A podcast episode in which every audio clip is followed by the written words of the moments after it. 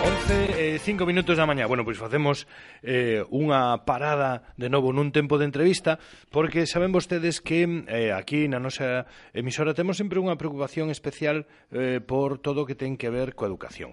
E dende hai varios anos xa, por certo, non sei cantos, a ver creo se si Margarita... Que, creo que o sexto este, Sexto ¿no? ano, non? Sí, bueno, sí, pois sí. por sexto... Como pasa o tempo? Máis valía que non os lembráramos. Por sexto ano consecutivo, eh, aquí eh, no noso programa, cada xoves imos a coller o tempo de GIES 10, un grupo de investigación da Universidade de Vigo que eh, se adica, eh, bueno, pois eh, a investigar en asuntos relacionados con, con diversas materias. Falanos un poquinho do grupo GIES 10 antes que nada, Margarita. Pois eh, Grupo GIES é eh, Grupo de Investigación en Educación e Saúde. Uh -huh.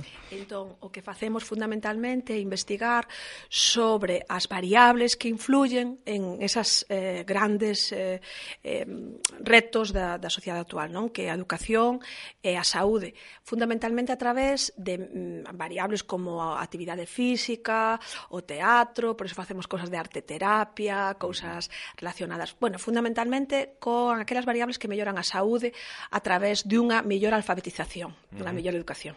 Bueno, e por iso eh, nos lle dedicamos eh, un tempo cada semana Tempo que comeza hoxe e que eh, vai estar con todos vostedes cada xoves a partir das 12 e cuarto en no que trataremos temas moi diversos. Mm, este ano moi diversos, porque o que fixemos foi un análise de, de cales serían aquelas temáticas que podían ser máis de interés, eh, bueno, que están sendo máis de interés na sociedade actual.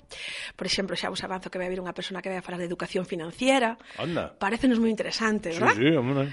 Eh, pois, pues, por exemplo, eh, cando vamos a un banco moitas veces non sabemos eh, sube co IPC, eh, que de monche bache o IPC, sí, non? Sí.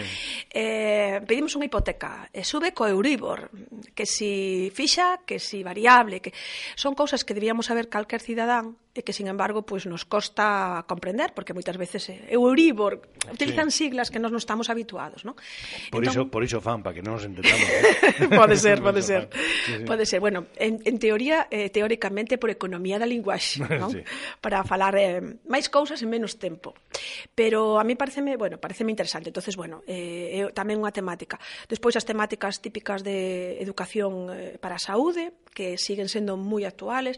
Este ano vamos a facer unha incidencia moi interesante no que é alfabetización en saúde.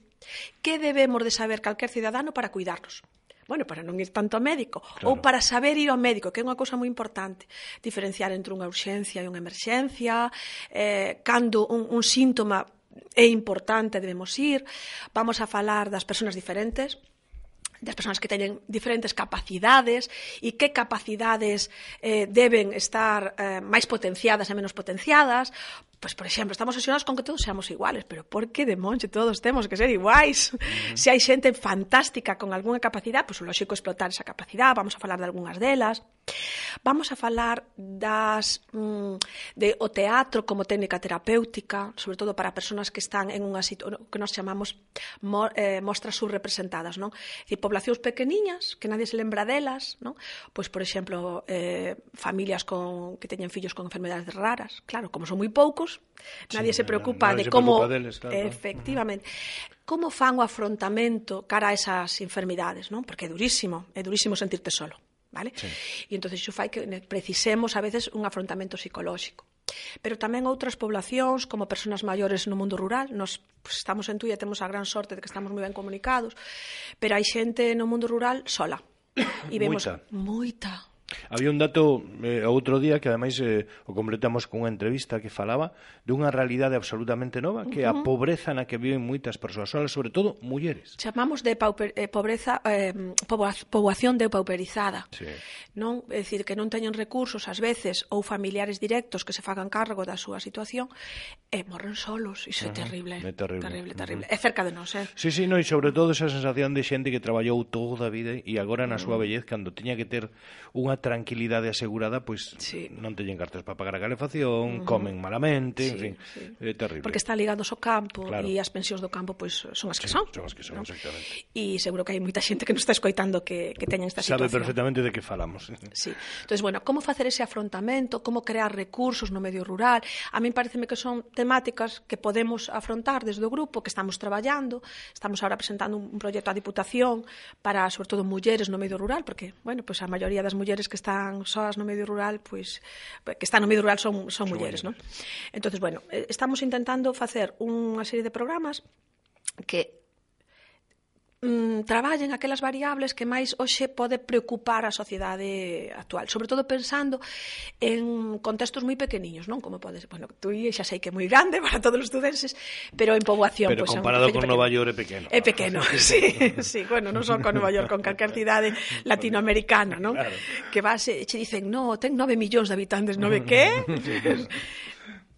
Pois eh, o certo é que un tempo de radio que nos, nos fai muitísima ilusión porque eh, tratades temas de, de gran interés e porque pensamos que, bueno, todos temos que facer un esforzo.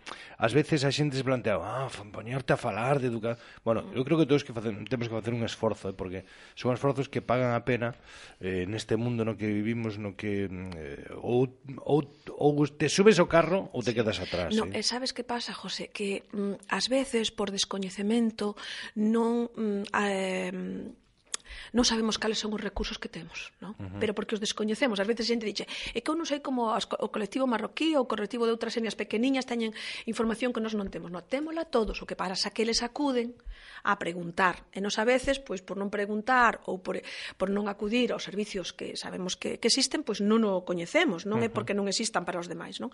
Entón, polo menos que a xente teña, nós chamamos de alfabetización, non? Sí. Que teña, porque hoxe a alfabetización non é saber escribir. Hoxe sí. a alfabetización é a veces entrar nunha páxina web.